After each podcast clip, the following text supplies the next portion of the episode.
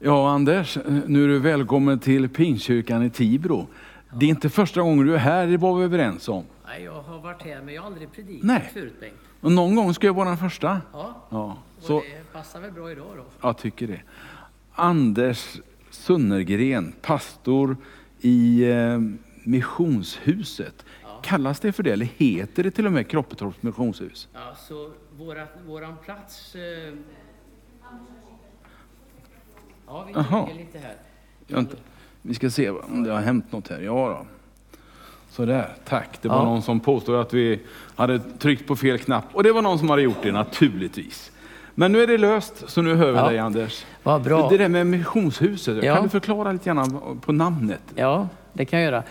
Eh, tack att jag får vara här ska jag säga också. Det är ju fantastiskt. Och missionshuset i Kroppetorp ligger på Gärdet mot Hönsa på Mariestadvägen. Just det. Och där har vi funnits, så det är ju ett, från Missionsförbundet Missionskyrkan till Ekumeniakyrkan. Så vi tillhör ju den Ekumeniakyrkan i Sverige. Och församlingen, eh, ja vi trivs bra. Vi är lite på landet. Vi brukar röra oss ute i skog och mark och trivs med det. Och, ehm, Eh, ett fantastiskt, ni är varmt välkomna alla, men jag är glad att vara här. Men ni är välkomna dit. Och Bengt, du ska ju få predika där också. Eh, I dessa tider är det lite svårare, men det kommer. Ja, det är ju så att den här veckan som har gått nu så är det ju en ekumenisk bönevecka. Och då planerar man kyrkorna tillsammans på orten att göra någonting tillsammans i, eh, i bön och förbön. Och sen så, ja ni vet vad som hänt. Mm. Eh, det är inte så lätt att samlas när man bara får vara åtta stycken och man vill inte möta nya människor och ska inte göra det heller. Så därför sa vi det att jorden går nog inte under och inte ekumeniken heller, men vi tar en paus det här året. Eh, och då hade vi dessutom planerat att vi som pastorer skulle gå runt lite grann i eh, olika kyrkor. Så vi tänkte att jag skulle komma till, till Kroppetorps missionshus och Anders skulle predika här. Och sen skulle även Missionskyrkan och Svenska kyrkan byta präster och pastorer. Men eh, om detta blev det intet. Eh, ja, du är här och det är jag så tacksam för Anders. Ja. Jag kommer, jag lovar. Bara du eh, säger till en lämplig söndag så kommer jag till eh, Kroppetorps missionshus och predikar där. Jättebra. Det, blir, det- det är alltid lika roligt att få möta varandra Ja, så här och lyssna på varandra. Ja.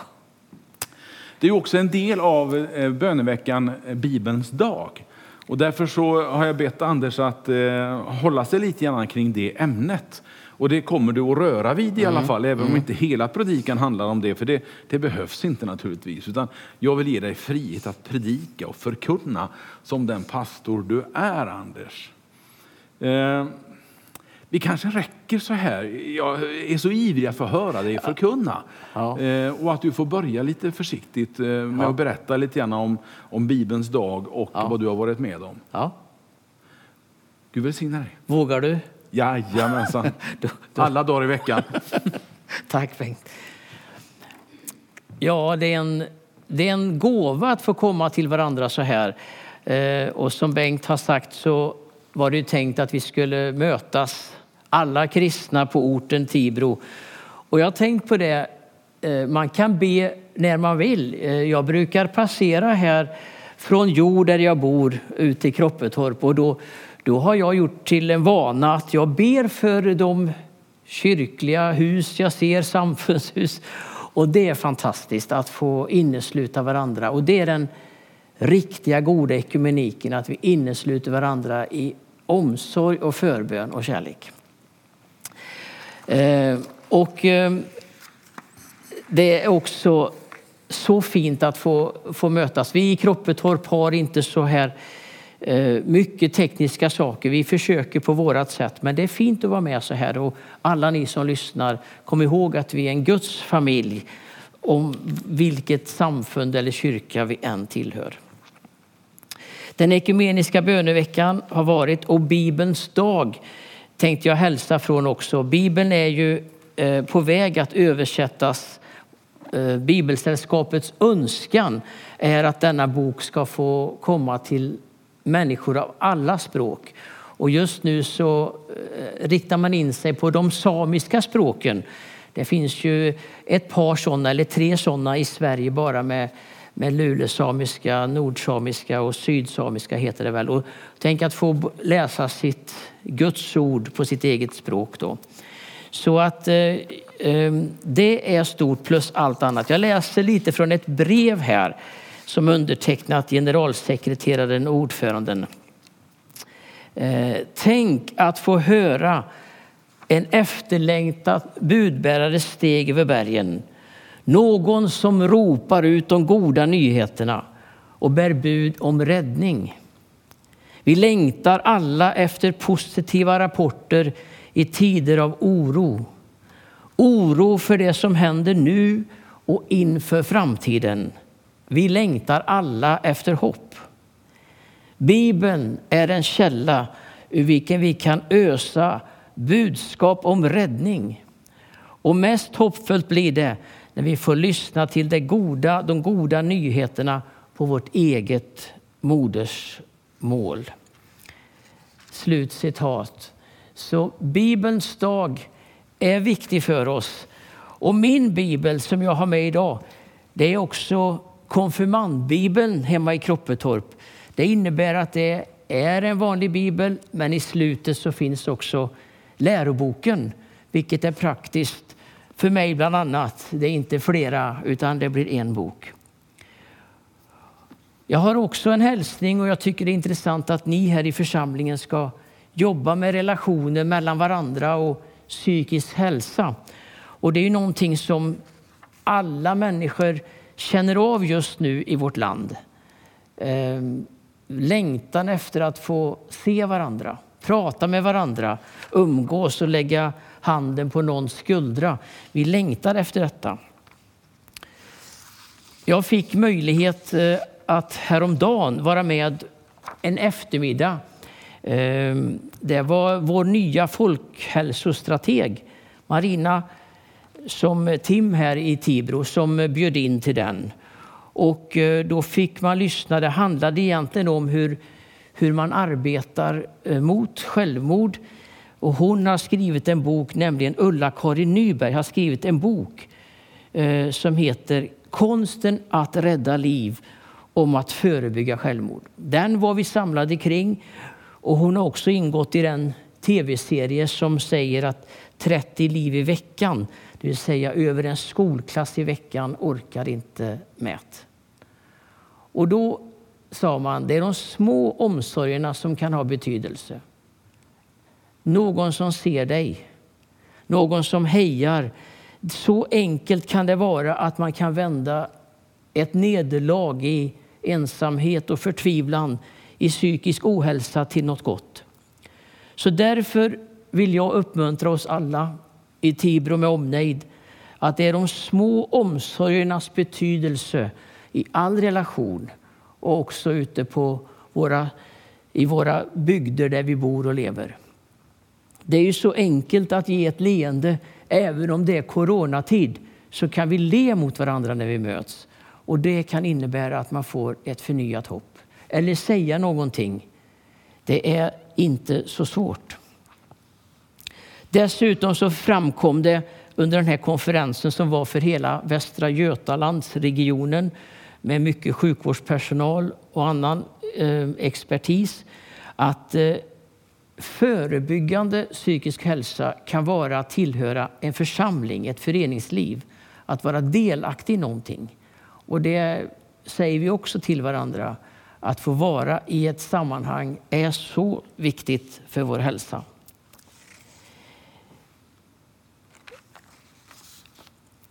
Jag tänkte läsa ett bibelord som är hämtad från eh, Salt, eh, Saltasalmen för denna söndag i kyrkoåret som heter Jesus skapar tro. Och jag läser ur vår bibel. Orden står så här, Saltaren 36, vers 6 och framåt. Herre, till himmelen sträcker sig din nåd, din trofasthet ända till skyarna.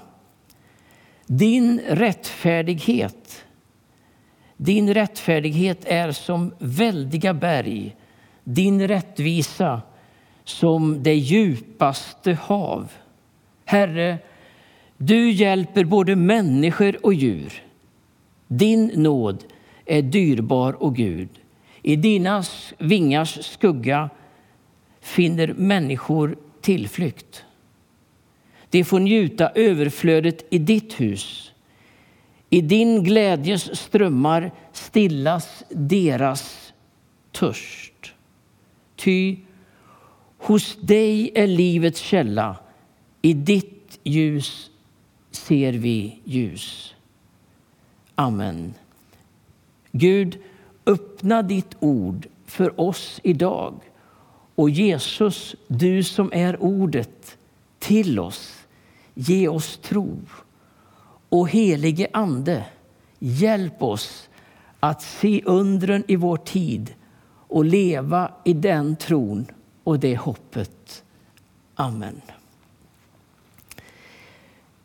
I denna bibel finns också härliga bilder. Kanske för att konfirmander och andra som jag får något, aha, så är det. Så Herre, till himmelen sträcker sig din nåd, din trofasthet ända till skyarna. Ja, jag vet inte om ni kan se det, men det är en tandemhoppare som eh, alltså en fallskärmshoppare som har en ung person under sig. Och det är ju en fantastisk bild på att din nåd är stor. Du är inte ensam. Du är inte ensam. Det är någon som hoppar med dig, någon som är med dig i detta. Och det är en trofasthet. Det är inte så att den som är fallskärmshoppare eller Gud säger att nu får du klara dig själv. Och så skär han av selen och säger hej, hej, nu får du klara dig bäst du kan. Utan följer hela tiden en trofasthet och en nåd. Biskop Åke i Skara lär ha sagt att eh, Gud är inte religiös utan generös. Och det kan vi stanna upp inför en stund. Vad menas med det? Innebär det att vi av nåd, helt gratis, får en hjälp i livet, en förtröstan om en trofasthet. Jag är inte ensam. Då är ju så mycket vunnet i krisens tid och i livet. Och rättfärdigheten den är väldig som berg. Och rättvisan är djup som havet. Och människor och djur är inneslutna i detta. Vi kan höra en Greta Thunberg som säger allt hör ihop. Var rädda om detta. Och som talar profetiskt in i vår tid. Var rädda om varandra och djuren och regnskogarna och havet. Uppvärmningen som vi alla känner till, det handlar om att leva i rättfärdighet och rättvisa och att hjälpa människor och djur. Och så är det vår attityd. Jag har förstått att i afrikanska länder så säger man om man ska beskriva en människa som växer så säger man inte hon är så här stor som vi kanske säger i västvärlden utan man visar så här. Hon är så här stor. Och då ges det möjlighet till växt. Inte att trycka ner eller säga du är för ung. Utan visa det finns en växt. Det finns en rättfärdighet i att se människan.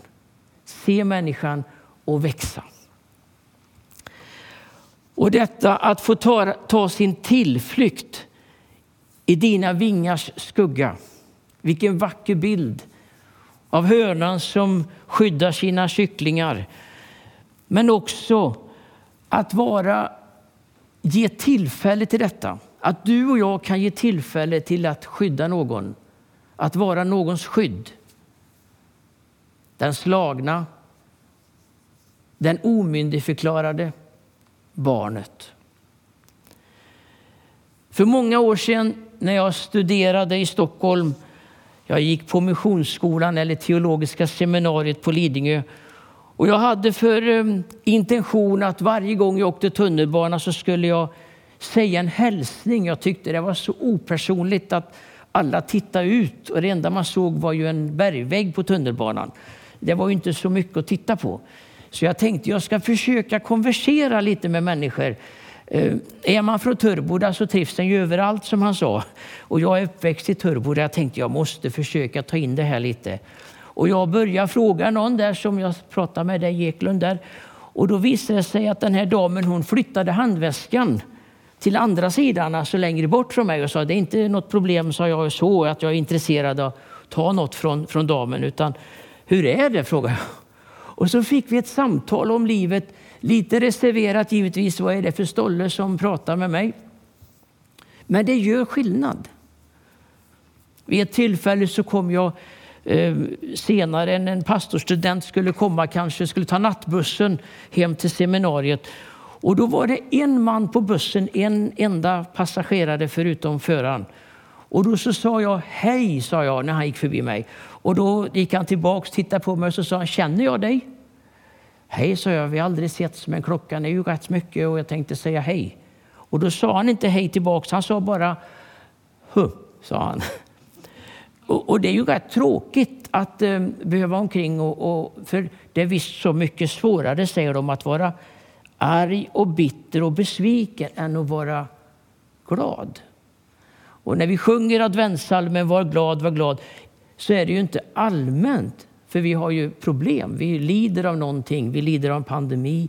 Vi är oroliga för framtiden. Och det finns arbetssökande människor och sjukdom. Men var glad i din Herre och Gud. Och då kan man kosta på sig ett hej och säga hej tillbaks. Så var jag på vandring och hamnade en kväll utanför Berns salonger i Stockholm. Och det kom en man som var illa tilltufsad och då tänkte jag att nu, nu ska jag ge en hälsning här. Ni vet hur det kan vara. Man kan känna sig lite mer ordentlig ibland och så där. Och jag närmar mig honom och vi kommer i samspråk som det heter. Um, och efter ett tag så säger han så här, du är, du är en kristen du, sa han till mig. Och då hade han strax innan berättat att han hade förlorat många anhöriga. Först en fru, sen en annan fru och nu sin 21-åriga dotter i en tumörsjukdom. Han var förvärkt i leder. Han hade varit flyttkar och burit många flyglar och pianon i tunga, trånga utrymmen. Och så började han ta till flaskan. Han sa, jag orkar inte. Men du är, du är kristen, sa han. Ja, sa jag, det är jag. Och då frågar han, var är då din Gud? Och jag, ynglingen i ett regnigt Stockholm med en storväxt man, vad ska jag göra? Och på den tiden fick man hälsa. Så jag sträcker fram min näve och trycker hans väldiga valkiga näve och säger här där två människor möts är Gud. Och jag ser en blick i hans ögon som var något, en tår och ett igenkänningstecken. Och så berättar han för mig om sitt liv och vi står och håller varandra i hand. Han säger så här till mig, och jag kommer ju alltid att komma ihåg det. Det gör ont när man mister någon man har kär. Man äger aldrig någon, men det gör ont när man mister någon man har kär. Och han står och predikar för mig. Det blir han som förmedlar ordet. Det var Guds skickelse. Jag får till mig många, många ord att bära vidare.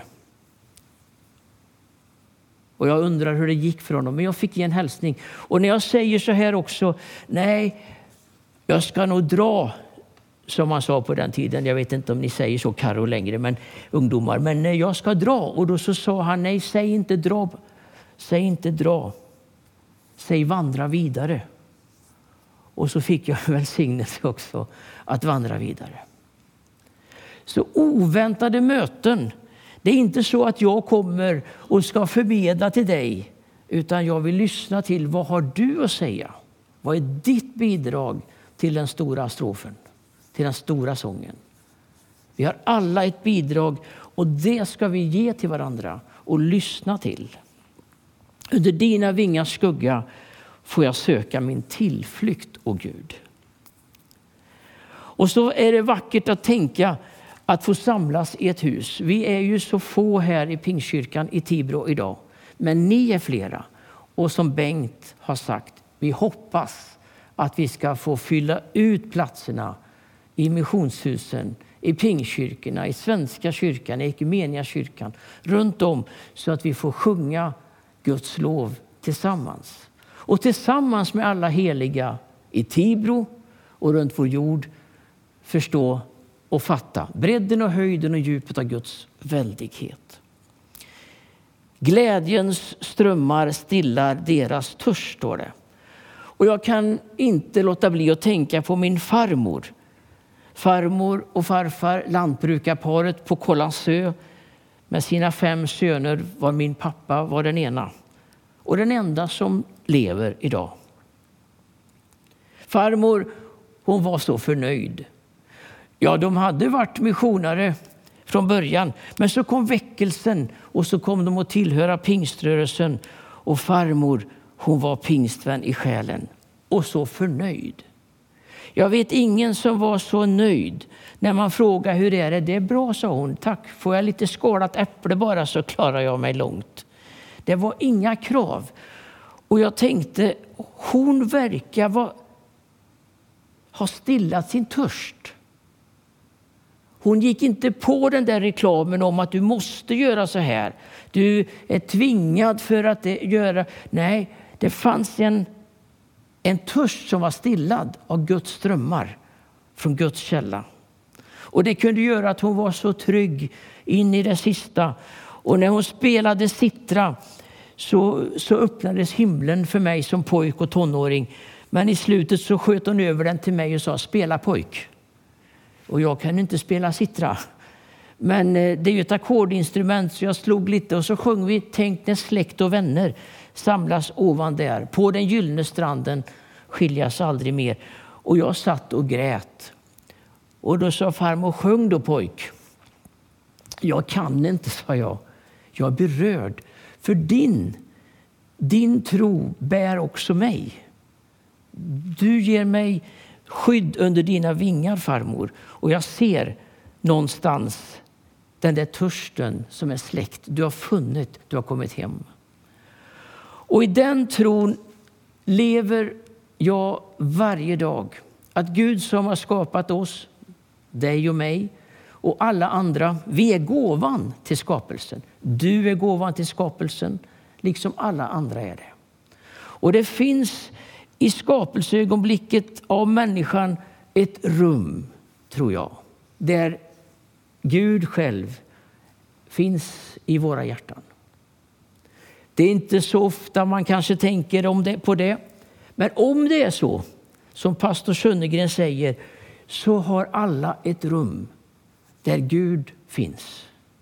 Och när vi virvlar runt i livet och söker så kanske vi inte har funnit Gud vid vårt hjärtas köksbord. Där finns det heliga, i väntan, i längtan. Jag vill ju ge dig beskydd. Jag vill ju ge dig en tillflyktsort. Jag vill ge rättfärdighet och rättvisa. Jag vill ge nåd och trofasthet, mitt barn. Kom till mig, alla ni som är tyngda av arbete, möda, sjukdom, bekymmer. Jag ska ge er ro. Det finns ett ljus i mörkret. I livets källa står det om och i ditt ljus ser vi ljus. Det finns ett ljus i mörkret. I coronatunnel så finns det ett ljus. Ja, det är inte ett mötande tåg som någon tänkte säga när jag sa det en annan gång. Det finns ett ljus i tunneln. Det kan vara ett mötande tåg. Det kanske är det också med en tredje, fjärde våg. Men det finns ett ljus, ett hopp i Gud. Gud han stryker över när tonåringarna kommer och du kanske är en av dem som inte är godkänd. Så sa en kille till mig, jag är inte godkänd. Jo, sa jag, det är du. Sen kanske inte du är så bra i matte eller? Nej, det var han ju inte. Men det ska vi göra någonting åt. För godkänd, du ska inte gå ut i livet och vara inte godkänd stämplat i pannan. Hur skulle det kännas om jag var stämplad eller du, eller du, eller du. Vi är godkända. Och det är väldigt viktigt i vår tid. I sorgen, i det som fattas oss, så är vi godkända. Och rövaren på korset Vad hade han stämplat på sin panna? När han fick höra idag är du med mig i det riket. Det var inte frågan om bibelläsningsplanen eller hur mycket böner det hade varit, utan det var idag är du med mig. Och sådan är Gud. Han är generös, för han ger av sin nåd om och om igen. Och han låter skriften, Bibeln, blir tydlig för oss genom hans son Jesus Kristus, Guds ord. I ditt ljus ser vi ljus. Tack Jesus att du skapar tro. Låt oss be. Tack gode Gud att vi får vara samlade framför skärmar i ditt namn. Hjälp oss i vår tid i avsaknaden av samvaro, närhet, samtal och bön. Gud, låt oss förstå att vi kan mötas. Du har alltid porten öppen och vi har möjlighet att ringa till varandra. Vi kan träffas på säkra sätt. Hjälp oss igenom den här tiden. Och tack att du har lagt vissa människor på våra hjärtan.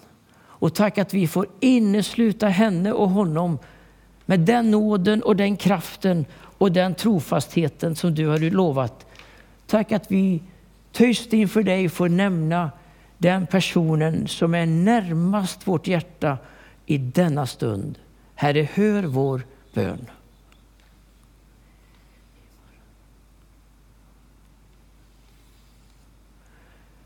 Och Gud, så får vi gå vidare med tron och hoppet att du följer oss. Du är med oss alltid. Amen.